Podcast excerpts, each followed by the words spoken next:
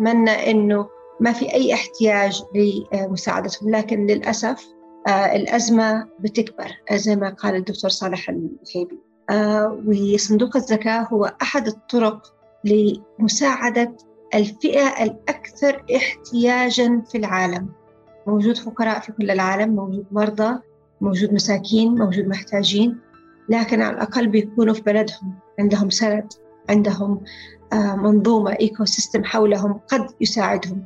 اللاجئ بيفقد كل شيء وبيكون مريض بيكون فقير وما عنده سند فالسند هو إحنا ونحتاج إنه بما إنه في حلول فيها آه، مصداقية فيها شفافية وفيها طرق لبذل آه، العطاء والزكاة. بتقارير دورية ما في أي سبب إنه ما نقدر نساعد وما نقدر إننا نعطي.